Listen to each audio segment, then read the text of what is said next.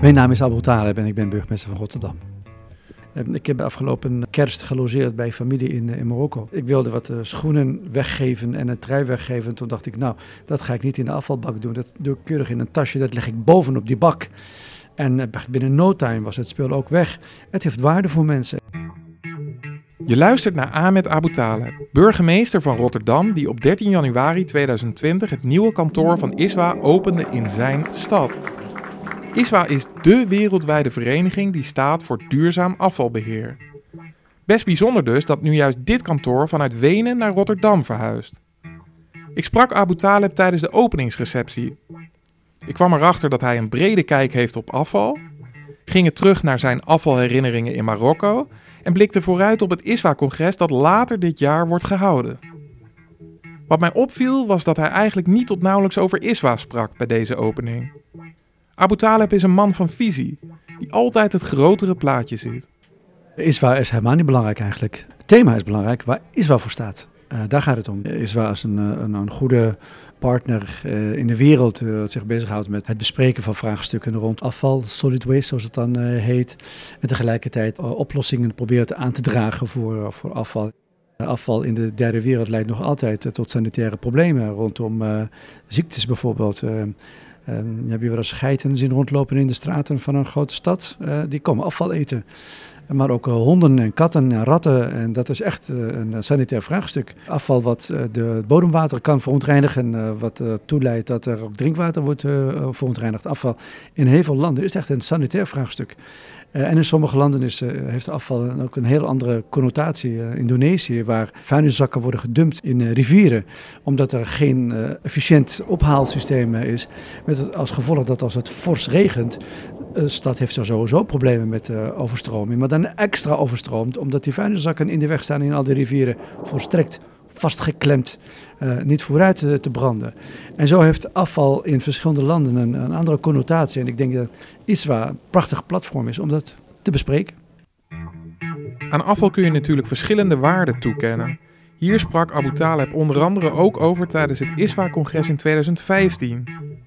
Ik heb toen gesproken over de vraag of uh, afval altijd afval is, zoals we dat zeggen.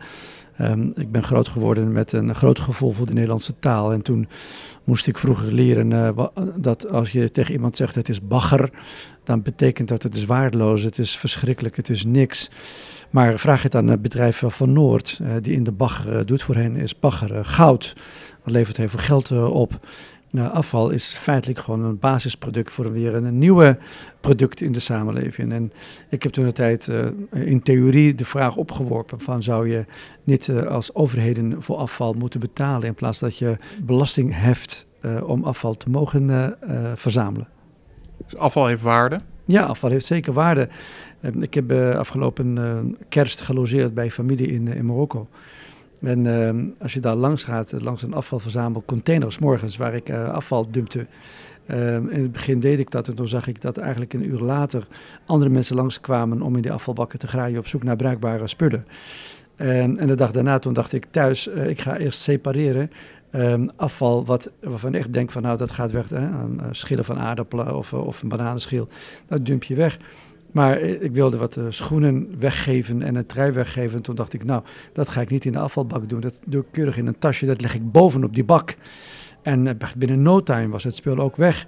Het heeft waarde voor mensen. En ik had het ook in de bak kunnen dumpen. Maar dan was het vies geworden en was het voor veel mensen graaien in de viezigheid. Dus ja, afval heeft echt in verschillende landen een andere betekenis. Abu Taleb kwam op 15-jarige leeftijd van Marokko naar Nederland. Hoe gingen ze destijds met afval om in Marokko? En wat weet hij nog van deze eerste periode in Nederland? En dan specifiek de manier hoe we hier met ons afval omgaan.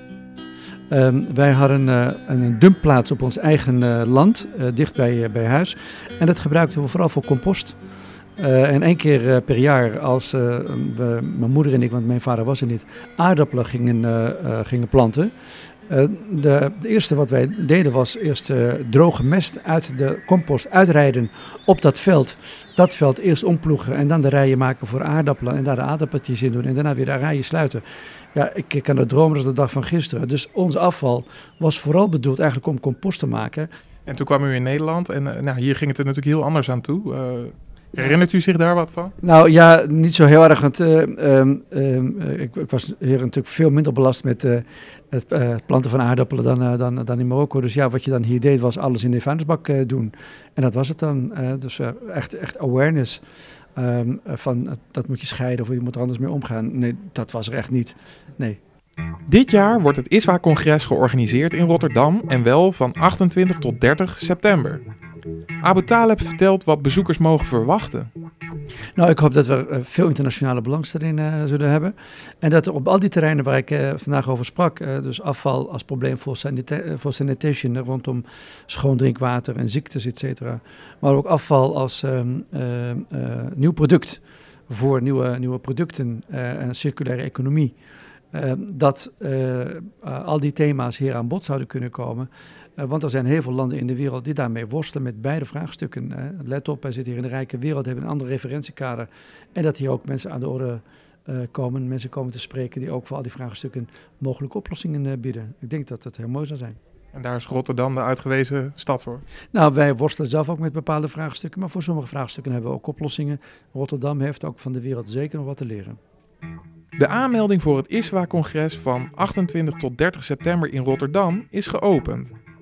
Op iswa2020.org vind je hierover meer informatie. Benieuwd naar de volgende audiobijdrage van de NVRD? Abonneer je op ons podcastkanaal. Dit kan via Spotify, iTunes, SoundCloud of een van de andere podcast-apps. Laat direct ook weten wat je van ons kanaal vindt.